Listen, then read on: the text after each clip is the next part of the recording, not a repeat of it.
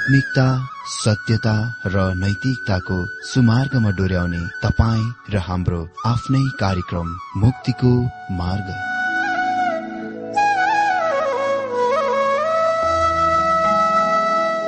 आदरणीय श्रोता यस मुक्तिको मार्ग कार्यक्रममा हार्दिक स्वागत छ। आशा छ यस आत्मिक कार्यक्रमद्वारा जीवनमा आत्मिक आशिष अलौकिक शान्ति र आनन्द प्राप्त गर्नुहुनेछ। र जीवनमा धन्य अनुभव गर्नुहुनेछ। आउनुहोस् श्रोता। मन र आत्माको तयारीको लागि यो मिठो अनि मधुर भजन गीत सुनौ।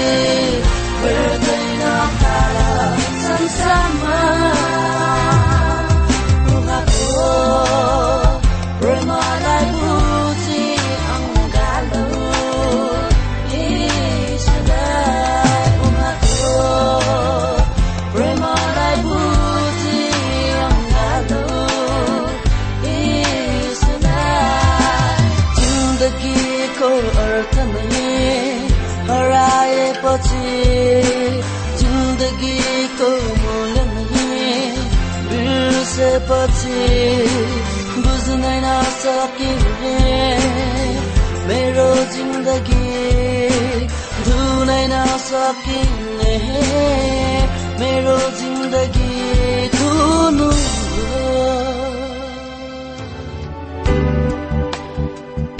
प्रिय श्रोता यो प्रसारण मार्फत यो अवगत गराउन चाहन्छौ कि प्रभुको सेवाको लागि यहाँहरूको साझेदारी नित्यन्त आवश्यकता छ। यहाँहरूले प्रार्थनाको साथसाथै आर्थिक सहायता गर्न अनुरोध गर्दछौ। तपाईँहरूको सानो भन्दा सानो भेटी किन नहोस्? हामी प्रभुको नाममा स्वीकार गर्नेछौ प्रभुको सेवाको लागि। तपाईँहरूको यो सानो लगानीले कसैको जीवनमा भिन्नता ल्याउँछ अनि प्रभुको महिमा हुन्छ। प्रभु तपाईँहरूलाई महान गरी आशिष दिनुहुनेछ। इच्छुक श्रोताहरूले तपाईँको इच्छा भेटी हाम्रो ठेगानामा पठाउन सक्नुहुन्छ जुन ठेगाना हामी कार्यक्रमको अन्तमा दिनेछौं। आउनुहोस् मित्र आज पनि परमेश्वरको वचन अध्ययनमा हामी प्रवेश गरौं। त्योभन्दा पहिले प्रभुसँग आशिष मागौं। हे जीवित प्रभुजी आज पनि म तपाईँको उपस्थितिमा यी सबै तपाईँको सन्तानहरूलाई लिएर आएको छु। प्रभु हामी सबैलाई तपाईँको वचनको आवश्यकता छ। किनकि हाम्रो शरीरको लागि जसरी शारीरिक भोजन आवश्यक छ त्यसरी नै हाम्रो आत्मिक जीवनको लागि तपाईँको वचन आवश्यक छ। त्यसकारण तपाईँको वचनले हामीलाई आज तृप्त गराउनुहोस् ताकि हामी विश्वासमा बढ़न सकौं अनुग्रहमा बढ़न सकौं र प्रभु एक विजय एक सामर्थ्य विश्वासी भएर जिउन सकौं र परीक्षामा संसारसँग शरीरको विरूद्धमा हामी विजय हुन सकौं। आज हामी प्रत्येकको जीवनमा तपाई विशेष गरेर बोल्नुहोस्। यसु प्रभुको नाम यो प्रार्थना माग्छु। आमेन। मित्र आज हामी बाइबल अध्ययन प्रकाश अध्याय चारदेखि दश पदबाट सम्म देख्न गइरहेका छौं। यहाँ सर्वप्रथममा देख्नेछौ महाक्लेशका सन्तहरू एक हजार वर्ष ख्रिससँग शासन गर्नेछन्। प्रकाश बीस अध्यय चारदेखि छ पदमा यस प्रकार लेखिएको छ। म पढिदिन्छु। अनि मैले सिंहासनहरू देखे। अनि उनीहरू तीमाथि बसे र न्याय उनीहरूलाई दिइयो। अनि मैले तिनीहरूका प्राणहरूलाई देखे जसको शिर येशुको गभाई र परमेश्वरको वचनको कारणले काटिएका थिए। अनि जसले न त त्यस पशुलाई न त त्यसको मूर्तिलाई पूजा गरेका थिए न त आफ्नो निधारमा वा आफ्ना हातमा त्यसका निशान लगाएका थिए। अनि तिनीहरू जीवित भए। र ख्रिससँग हजार वर्षसम्म राज्य गरे तर बाँकी मरेकाहरू हजार वर्ष पूरा नहुन्जेल फेरि जीवित भएनन्। यो चाहिँ पहिलो बौरी उठाइ हो। यस पहिलो बौरी उठाइमा जसको भाग हुन्छ ऊ धन्य र पवित्र हो। यस्ताहरूमाथि दोस्रो मृत्युको कुनै अधिकार छैन तर तिनीहरू परमेश्वरका र ख्रिष्टका पुजारीहरू हुनेछन् र उहाँसित हजार वर्षसम्म राज्य गर्नेछन्। धेरैजना ख्रिष्टको लागि महाक्लेश अवधिमा मर्न गइरहेका छन् तर तिनीहरू फेरि जिउनेछन् ब्युति उठ्नेछन् र ख्रिस्टसँग एक हजार वर्ष राज्य गर्नेछन्। क्लेशकालका सन्तहरू साढे तीन वर्षमा भोगेका कठोर अनुभवको सालहरू समयहरूको लागि यो ख्रिससँग एक हजार वर्षको शासन मौका दिइनेछ ती साढे तीन साल अति नै कठोर र भयानक समय थियो। तर एक हजार वर्षहरू अद्भुत हुन गइरहेको छ। यो पृथ्वीमा ख्रिससँग जिउने र शासन गर्ने कुराको र मौकाको कल्पना गर्नुहोस् त। यो भविष्यवाणी शास्त्रमा अन्य कुनै भविष्यवाणी जस्तै हो।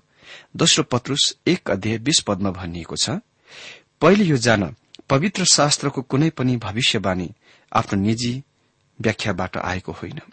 यसको मतलब तपाईँले शास्त्रको कुनै भविष्यवाणीको टपक्कै टिपेर त्यसको आधारमा सिद्धान्त बनाउन सक्नुहुन्न। तपाईँलाई अरू शास्त्रहरूको पुष्टि र समर्थनको पाउन आवश्यक पर्दछ।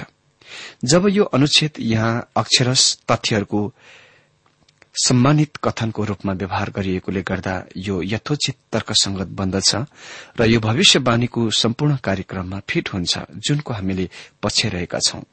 अनि यसलाई अति नै निच आम काल्पनिक अवास्तविक अलंकारिक प्रतीकहरूमा घटाउने कुनै पनि प्रयासले यस अनुच्छेदलाई हास्यास्पद र असंगत बनाउँछ। यस अनुच्छेदलाई आत्मिकीकरण गर्न महत्वपूर्ण अर्थको सम्पूर्ण शास्त्रलाई र शास्त्रको अर्थ खुलाई वा व्याख्यालाई लथालुङ्ग बनाउनु हो। बिगार्नु हो। सिंहासनहरू अक्षरस वा साँचेकै हुन् शहीदहरू अक्षरस वा साँचेकै हुन्? यसु अक्षरस साँचेकै हुनुहुन्छ? परमेश्वरको वचन अक्षरस वा साँचेकै हो? पशु र त्यो पशु अक्षरस वा साँचेकै हो? मूर्ति अक्षरस वा साँचेकै हो?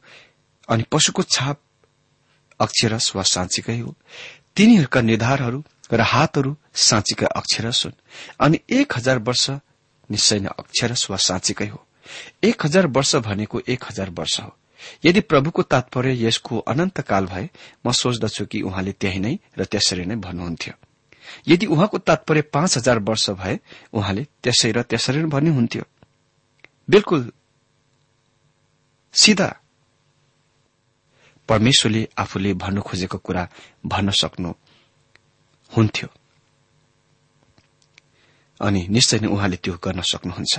अनि जब उहाँले एक हजार वर्ष भन्नुहुन्छ उहाँको मतलब एक हजार वर्ष नै हो। पुनरुत्थानको ग्रीक शब्द चाहिँ अनस्तेस्या हो जुनको अर्थ हो उभिनु वा खड़ा हुनु अर्थात शारीरिक रूपमा पुनरुत्थान।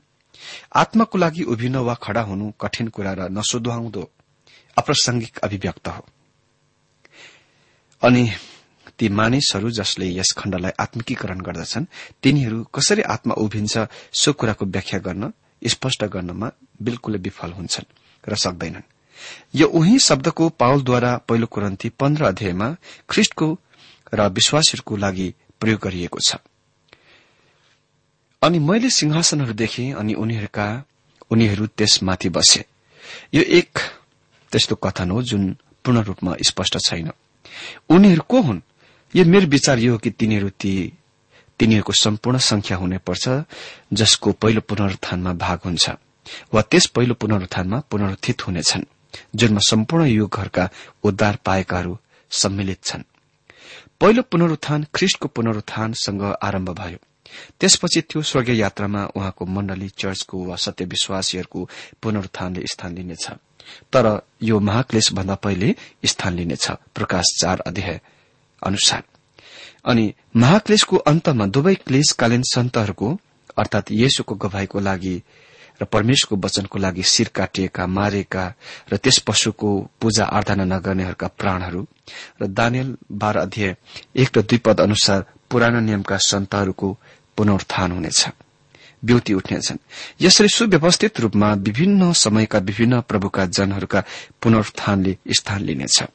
मित्र यस्तो धारणा लिनु वा यस्तो कुरा सोच्नु भोला भाला विचार हो।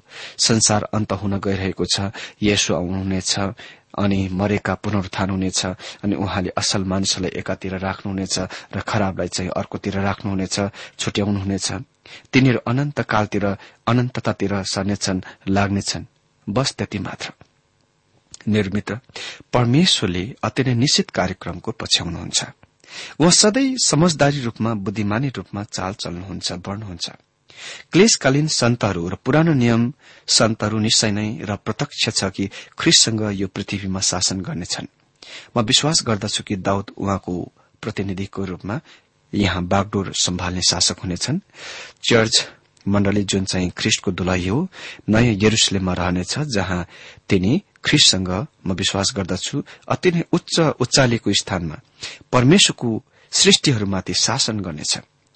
अनि ख्रिष्ट स्वर्गीयको नयाँ यरुसलेमबाट यो पृथ्वीको पुरानो यरुसलेममा आवत जावत तलमाथि गर्नुहुनेछ। अनि मलाई लाग्छ चर्च पनि त्यसको स्वर्गीय घर र पृथ्वी बीच तल र माथि उहाँसँगै आवत जावत गर्नेछ। दुवै इसरायलका र अन्य जातिका ठूला भीड़का भीड़ शारीरिक प्राकृतिक शरीरमा नमरिकनै राज्यमा प्रवेश गर्नेछन्।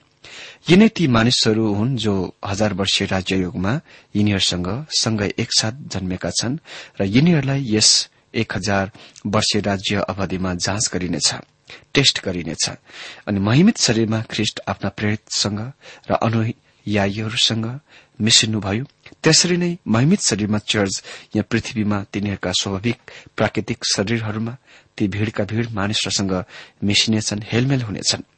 र महिमित शरीर हरूमा चर्च अन्तरिक्षमा शून्यमा चल्न जान योग्य हुनेछ। त्यो नै पहिलो पल्ट हुनेछ कि म कुनै अन्तरिक्ष यात्रा गर्नेछु। म यसको तपाईँलाई पक्का निश्चय दिलाउन सक्छु। गुरूत्व आकर्षण ग्राभिटेशनले त्यस दिनमा मलाई मेरो पेन्टमा पक्रेर तल पृथ्वीमै खिच्ने छैन। जस्तो कि त्यसले आज गर्छ। तिनीहरू परमेश्वरका र ख्रिष्टका पुजारीहरू हुनेछन्। यसले चाहिँ इसरायलका सम्पूर्ण राष्ट्रको संकेत गर्दछ। यो इसरायलको लागि परमेश्वरको सुरुको खास ओरिजिनल उद्देश्य थियो। प्रस्थान उन्नाइसको छ पदमा लेखिएको छ तिमीहरू मेरो निम्ति पुजारीहरूको एक राज्य र एक पवित्र जातिहरू हुनेछौ। इसरायलीहरूलाई तैले भन्नुपर्ने कुरा यी नै हुन्। अब्राम उसको परिवारमा पुजारी थिए लेबी पुजारीय कुलका थिए अनि हारून को परिवार चाहिँ प्रधान पुजारीको रूपमा सेवा गर्थे।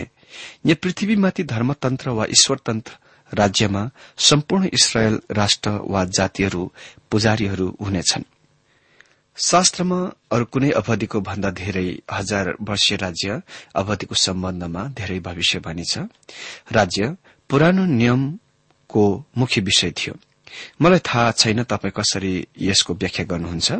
हाम्रा दिनहरूमा भविष्य वक्ताहरूले लेखेका साना भविष्यवाणीका पुस्तक वा माइनर प्रोफेट हरूको बारेमा अति नै कम कुरा सुन्ने हामी गर्दछौ। जब यिनीहरूका शिक्षण वा सिकाउने कुरातिर कुरा गर्दा त्यहाँ अति नै विशाल मौनता विशाल रिक्तता र खाली शून्य छ। जबकि ती सबैले हजार वर्षीय राज्यतिर हेर्दछन् जुन यो पृथ्वीमा आइरहेको छ। त्यसपछि निम्न पदहरूमा हामी देख्छौ एक हजार वर्षपछि शैतानलाई छोडिन्दछ। पद सातदेखि नौ पदमा भनिएको छ। अनि हजार वर्ष बितेपछि शैतान त्यसको कैदबाट छोडिनेछ अनि पृथ्वीका चारै कुनामा भएका जातिहरूलाई गोग र मागोगलाई लड़ाईको लागि भेला गर्नलाई त्यो धोका दिन निस्केर जानेछ अनि तिनीहरूको संख्या समुद्रको बालुवा सर हुन्छ अनि तिनीहरू पृथ्वी ढाकी अघि बढ़े अनि पवित्र जनहरूको छाउनी र प्रिय शहरलाई घेर हाले अनि स्वर्गीयदेखि परमेश्वरबाट आगो झर्यो र तिनीहरूलाई भस्म पार्यो। यद्यपि प्रकाशको सम्पूर्ण पुस्तकले अन्तिम वा पछिल्ला दिनहरूका कुराहरूसँग व्यवहार गरे तापनि विशेष गरेर प्रकाशका यी अन्तिम केही कम अध्यायहरूले यो गर्दछ। यहाँ परमेश्वरको विरूद्ध शैतानको घोर मानिसको अन्तिम विद्रोह छ। शैतान र घोर मानिसको अन्तिम विद्रोह छ र हजार वर्षीय राज्य चाहिँ आदर्श स्थितिहरू अन्तर्गत मानिसको जाँचको समय हो। अनि जुन यो अनुच्छेदले स्पष्ट गर्दछ जब शैतानलाई फुकाइन्दछ छोडिन्दछ तुरन्तै ख्रिष्टको व्यक्तिगत शासन मुनि र आदर्शमय परिस्थिति मुनि रहेको ठूलो भीड़को झुण्ड शैतानको पक्षतिर लाग्नेछ र त्यससँग तिनीहरू मिसिनेछ। कहाँबाट त्यस्तो ठूलो झुण्ड जमात आयो? यो एकदम मुनासिब प्रश्न हो। यसको उत्तर यस तथ्यमा पर्दछ। केवल ठूलो भीड़ भीड़का भीड़ हजार वर्षीय राज्यमा मात्र प्रवेश गर्दैनन् तर अति नै ठूलो संख्यामा त्यस हजार वर्षीय राज्य अवधिमा पनि मानिसहरू जन्मनेछन् यसैया एघार अध्यय छ पद र यसैया पैसठको बीस पद अनुसार। यो चाहिँ पृथ्वीको सबभन्दा ठूलो जनसंख्या वृद्धिको समय हुनेछ। रोगहरूको अलग गरिनेछ निधान गरिनेछ हटाइनेछ र भौतिक संसार वा पृथ्वीबाट पापको श्राप हटाएकोले गर्दा जमीनले पनि प्रशस्त मात्रामा अन्नबाली फलफूल उत्पादन गर्नेछ जुनले गर्दा पृथ्वीका यति ठूलो जनसंख्यालाई खुवाउन प्रशस्त काफी अन्न फलफूलहरू हुनेछ। अनि यी परिस्थिति अन्तर्गत खाली मानव हृदय मात्र बदलिँदैन वा यो नबदली त्यसै रहिरहन्छ। अनि धेरै आफ्नो पीठहरू परमेश्वरलाई फर्काइदिन्छन् र शैतानको पछि लाग्नेछन्। यो अविश्वासनीय देखिन्दछ तर आज यसको बारेमा नि के शैतानले हाम्रा दिनमा अति नै राम्ररी काम गरिरहेको छ। हजार वर्षीय राज्यलाई पछ्याउने यो विद्रोहले यो प्रकट गर्दछ कि मानिसको हृदय कति भयानक छ वास्तवमा। यर्मिया सत्र अध्यय नौ पदमा यर्मियाले भने मानिसको हृदय सबै कुराभन्दा छली हुन्छ र त्यसलाई निको पार्न सकिँदैन। त्यसलाई कसले जान सक्छ र? तपाई र मलाई थाहा छैन कि हामी वास्तवमा कति दुष्ट र भ्रष्ट छौं। हामी कति पनि हाम्रा पुरानो स्वभावलाई परमेश्वरको अधीनता मुनि ल्याउन सक्दैनौं। रोमी आठको सात पदले भन्छ किनभने शरीरमा मन लगाउनु चाहिँ परमेश्वरसँग दुश्मनी गर्नु हो।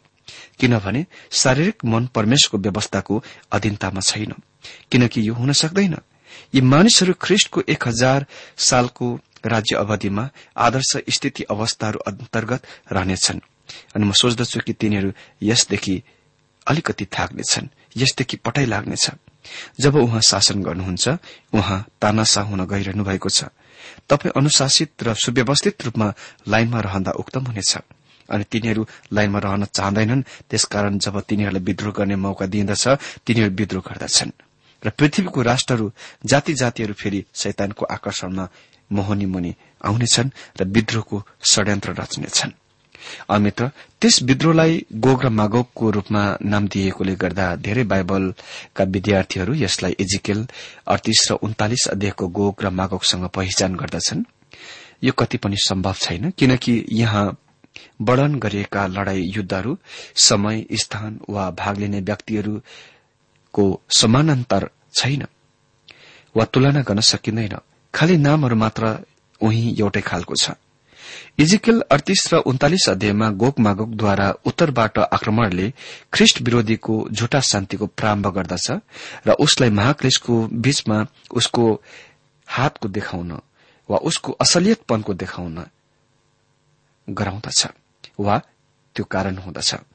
उत्तरबाटको ईश्वरहीन शक्तिहरूको राष्ट्रको सेनाहरूको विद्रोहले एक हजार वर्षपछि मानव जातिमा त्यस्तो प्रभाव पार्नेछ कि मानिसको अन्तिम विद्रोहले उही एउटै लेभल वा नाम पत्र बोक्नेछ। गोग र मागोग मित्र यो अवस्थामा परिस्थितिमा यो विश्व विश्व शताब्दीमा दुईपल्ट भएर विश्वयुद्धमा भएर गइसकेको छ। पहिले विश्वयुद्ध अति नै ठूलो विनाशकारी बन्यो जब त्यो युरोपमा प्रारम्भ भयो जुनमा उही राष्ट्रहरू र अन्य अधिक धेरै राष्ट्रहरूलाई सामेल गरिएको थियो। अनि त्यसलाई प्रथम विश्वयुद्ध भन्ने नाम दिइयो तर त्यसको संख्या दुई नम्बर दुईद्वारा भिन्नता देखाइयो। किनकि विश्वले अर्को दोस्रो विश्वयुद्धको सामना गर्यो। यसरी बीसौं शताब्दीमा विश्वले पहिलो विश्वयुद्ध दोस्रो युद्धको अनुभव गरेको छ। अनि आज मानिसहरू तेस्रो विश्वयुद्धको पनि भविष्यवाणी गरिरहेका छन्। अमित्र मैले भन्न खोजेको कुरा के हो भने कुनै व्यक्तिसँग उही एउटै मिल्दोजुल्दो नाम होला वा कुनै स्थानसँग कुनै परिस्थितिसँग कुनै कुरासँग उही मिल्दोजुल्दो एउटै स्थान वा परिस्थिति वा अरू कुनै कुरा हुन सक्छ। तर यसको मतलब यो होइन कि तिनीहरू उही एउटै कुरा हुन्। एजिकेल अडतिस र उन्तालिस अध्यायमा युद्ध चाहिँ गोग र मागोगसँग सम्बन्ध राख्छ। अनि यहाँ प्रकाश बीस अध्याय आठ पदमा उल्लेखित गोग र मागोग चाहिँ दोस्रो गोग र मागोग हो। यद्यपि नाम उही एउटै भए तापनि यो बेग्लै युद्ध हो। शैतानको अन्तिम विद्रोह। दुई घटनाहरूले उही एउटै नामको सम्मिलित गर्दै यसको मतलब उही एउटै कुरो हुँदैन। अर्को उदाहरणको लागि मेरो जस्तै नाम भएको मेरै रंगको उमेरको र समुदायको अर्को व्यक्ति हुन सक्छ। तर म र ऊ चाहिँ अलग होइन र? यो पनि त्यस्तै नै हो। पद नौमा अन्तिम एटम बम आणुविक बम खसालिने कुराको संकेत देख्छौ। यो अभिव्यक्त परमेश्वरबाट वास्तवमा उक्तम मूल ग्रन्थ हस्तलिपिमा छैन। यसको सामान्य अर्थ खालि यही हो प्राकृतिक शक्तिहरू जुनले पहिलो गोग र मागोगलाई नष्ट गर्यो त्यसले नै दोस्रो गोग र मागोगलाई नष्ट गर्नेछ। यो परमेश्वरको विरूद्ध अन्तिम विरोध र विद्रोह हो अनि अदनको बगैँचामा मानिसको पहिलो प्रथम विद्रोह जस्तै व्यर्थ र बेकारको थियो। यहाँ परमेश्वरप्रति मानिसको विद्रोहको शुरूआत छैन तर अन्त छ। यो मानिसको विद्रोहको अन्त हो। अब अन्तिम दण्ड बाहेक अरू केही कुरा पनि त्यहाँ बाँकी रहेको छैन। निम्न पदमा देख्छौ शैतानलाई आगोको र गन्धको झिलमा फ्याँकिनेछ। र दश पदमा हामी पढ्छौं यहाँ यस प्रकार लेखिएको छ अनि तिनीहरूलाई धोका दिने शैतान आगो र गन्धको झिलभित्र फ्याँकियो जहाँ त्यो पशु र त्यो झुटो भविष्यवक्ता पनि छ अनि दिनरात सदा सर्वदा तिनीहरू पीड़ाले तटपिन्छन्। यहाँ हामी देख्छौ कि यो एक सबभन्दा गम्भीर कथन पनि हो अनि यो तपाईँ र म रहेको युगमा इन्कार अस्वीकार गरिएको छ। तर यो परमेश्वरको सन्तानलाई यो कुरा थाहा पाउन ठूलो चिन्ताबाट तनावबाट छुटकारा जस्तै हो कि दुवै उसको र परमेश्वरको शत्रु अन्तिममा आखिरमा सधैँको लागि उचित र स्थायी न्यायमा इन्साफमा ल्याइएको छ। त्यहाँ धेरै तथ्यहरू छन् जुनले आजका सुनिने चिरपरिचित जान पहिचानका विचारधाराहरूको खण्डन गर्दछ। सर्वप्रथममा शैतान आज नर्कमा छैन। ऊ आकाशको शक्ति र शासक हो। उसले नै विस्तृत रूपमा आज विश्वको नियन्त्रण गर्दछ अनि परमेश्वरले निश्चय नै हाम्रो दिनमा उसलाई सीमित चल्न र क्रिया गर्न राख्नु भएको छ। तर महाक्लिस अवधिमा उसले केही समयको लागि सम्पूर्ण अख्तियार र शासन पाउनेछ। अनि दोस्रो स्थानमा शैतानलाई नर्कमा फ्यालिने पहिलो व्यक्ति होइन। पशु र झुट्टा भविष्य वक्ता। ऊभन्दा पहिले वा एक हजार वर्ष पहिले त्यहाँ फालिनेछ। अनि अन्त्यमा नर्कलाई गन्धक र आगोको झिलको रूपमा वर्णन गरिएको छ। प्रभु येशु कृष्ण एक हुनुहुन्छ जसले नर्कको बारेमा सबभन्दा ठूलो गम्भीर वर्णन दिनुभयो। अनि यी शास्त्रहरूको विचार गर्नुहोस् मती पच्चिस अध्यय एकतालिस पदमा। त्यसपछि उनले ती देव्रे हातपट्टि हुनेहरूलाई पनि भनेछन् हे श्रापित हो मदेखि त्यस अनन्त आगोभित्र जाइहाल जो चाहिँ शैतान र त्यसका दूतहरूको निम्ति तयार पारिएको छ। अनि मती आठको बाह्र पदमा पढ्छौं तर राज्यका सन्तान चाहिँ बाहिरको अन्ध्यारोमा फालिनेछन् त्यहाँ रुवावासी र दारा किटाई हुनेछ। यसले हरेकलाई एकछिन रोकेर सोच्नु लगाउनु पर्छ कि कसरी नर्क बाहिरको अन्धकार र साँच्चीकै आगोको हुन सक्छ। येशु ख्रिस्टले पनि भन्नुभयो मती तेह्र अध्यय बयालिस पदमा तिनीहरू आगोको भट्टीभित्र फालिदिनेछन्।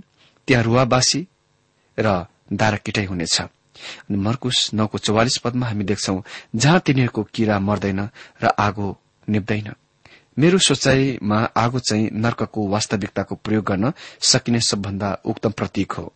उदाहरणको निम्ति कसरी आत्मामा मानिसले गरेका पापहरूलाई शरीरमा दण्ड सजाइदिने? म विश्वास गर्दछु कि बाहिरको अन्ध्यारोमा र अघात खानमा हुनु परमेश्वरबाट अलग हुनु हो र यो संसारमा व्यर्थै नष्ट भएको जीवनमाथि पछाडितिर हेर्नु हो निहाल्नु हो। के तपाई सोच्न सक्नुहुन्छ कि कुनै आगो नर्कमा उसको छोराको आवाज यो भन्दै गरिरहेको सुन्न कुरा त्यस मानिसको लागि भन्दा अधिक तातो हुनेछ? पिता मैले यहाँ पृथ्वीमा तपाईँलाई पछ्याए। यो गम्भीर कुरा हो। एकजना मानिसले बिल एण्डरसनलाई सोधे मानिलिउँ हामी त्यहाँ गएर पत्ता लगाउँछौ कि तपाईँले नर्कको बारेमा प्रचार गरेको कुरा बिल्कुल सत्य नभए? वा सत्य नभेटाए के त? डाक्टर बिलले उत्तर दिए तब म आफ्नो वचनको लागि माफ माग्ने थिएँ र भन्नेछु कि मैले प्रभुलाई गलत बुझाइ गरे वा अबुझाइ गरे। तर मानिलिउँ हामी त्यहाँ गयौं र यो सत्य भएको पत्ता लगाए तब के त? मेरो मित्र यो सत्य हो। यो नै परमेश्वरको वचनमा हामी हेरिरहेका छौं विचार गरिरहेका छौं हामी युवा तीन अध्यय सोह्र पद मन पराउँछौ तर हामी यसको बारेमा के सोच्दछौ? मित्र आगो पापमा निन्दित र गुम हुनु के हो? सो कुराको यथार्थको र अनन्तकालको लागि सधैँको लागि परमेश्वरबाट अलग हुनु के हो? सो यथार्थको अति नै कमजोर प्रतीक हो। तपाईँ यी वर्णनहरूलाई यथार्थता भन्दा केही कम गर्नलाई घटाउन सक्नुहुन्न। किनभने प्रत्येक सधैँ वास्तविक कुराको यथार्थ कुराको कमजोर प्रतिनिधिक हो। वास्तविकता यथार्थता चाहिँ वर्णनहरूभन्दा अधिक धेरै हुँदछ वा वर्णनहरूभन्दा धेरै बढ़ेर हुँदछ। मानव भाषा त्यो भयानक वास्तविकताको चित्रित गर्न कोशिशमा वर्णन गर्न नसकिने हुँदछ। र अर्को शब्दमा मानव भाषा शब्दहरूले त्यस वास्तविकताको पर्याप्त रूपमा वर्णन गर्न सक्दैन। यद्यपि कोशिश गरिए तापनि नर्क स्थान हो त्यो एक प्रान्त हो अनि यो अनुतापको ताना यातना र कष्टको स्थान हो।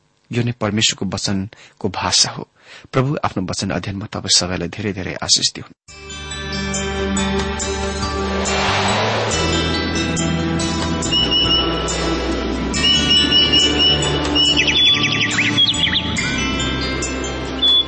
प्रिय श्रोता अहिले भर्खरै तपाईँले टीडब्ल्यूआर नेपालद्वारा सञ्चालित आत्मिक कार्यक्रम मुक्तिको मार्ग सुनिरहनु भएको थियो। श्रोता आजको यो कार्यक्रम सुनेर तपाईँलाई कस्तो लाग्यो? यदि यो कार्यक्रम सुनेर मनमा कुनै खुल्दुली वा कुनै प्रतिक्रिया अर्थात सुझावहरू छन् भने हामीलाई पत्रद्वारा लेख्न सक्नुहुनेछ। हामी हृदयदेखि नै स्वागत गर्नेछौ स्वीकार गर्नेछौ साथै बाइबल सम्बन्धित प्रचारहरू कार्यक्रम सारणीहरू हामी अनुरोधमा पठाउन सक्छौ। अनि तपाईँसँग कुनै प्रार्थनाको विषय छन् भने हामीले तपाईँको लागि प्रार्थना गरेको चाहनुहुन्छ। चाहनुहुन्छ भने प्रभुमा आफ्नै परिवार सम्झेर हामीलाई पत्रमा लेख्न सक्नुहुनेछ। तपाईँको लागि हामी प्रभु येशुसँग प्रार्थना गर्नेछौ। अधिक जानकारी र पत्रचारको लागि हाम्रो ठेगाना यस प्रकार छ। कार्यक्रम मुक्तिको मार्ग जीपीओ नम्बर उनानब्बे पचहत्तर इपिसी पच्चिस एकसठी काठमाडौँ। ठेगाना एकपल्ट सुन्नुहोला। कार्यक्रम मुक्तिको मार्ग जीपीओ नम्बर उनानब्बे पचहत्तर इपिसी पच्चिस एकसठी काठमाडौँ। हाम्रो इमेल एड्रेस हो TWR Nepal at Yahoo dot com. साथै यस नम्बरमा एसएमएस गर्न सक्नु सक्नुहुनेछ अन्ठानब्बे चार सत्तरी पैतिस छ सय उनासी नौ आठ चार सात जिरो तीन पाँच छ सात नौ। हुन्छ श्रोता आजलाई हामी विदा चाहन्छौ। अर्को कार्यक्रममा हामी पुनः भेट्नेछौ तबसम्मलाई नमस्कार।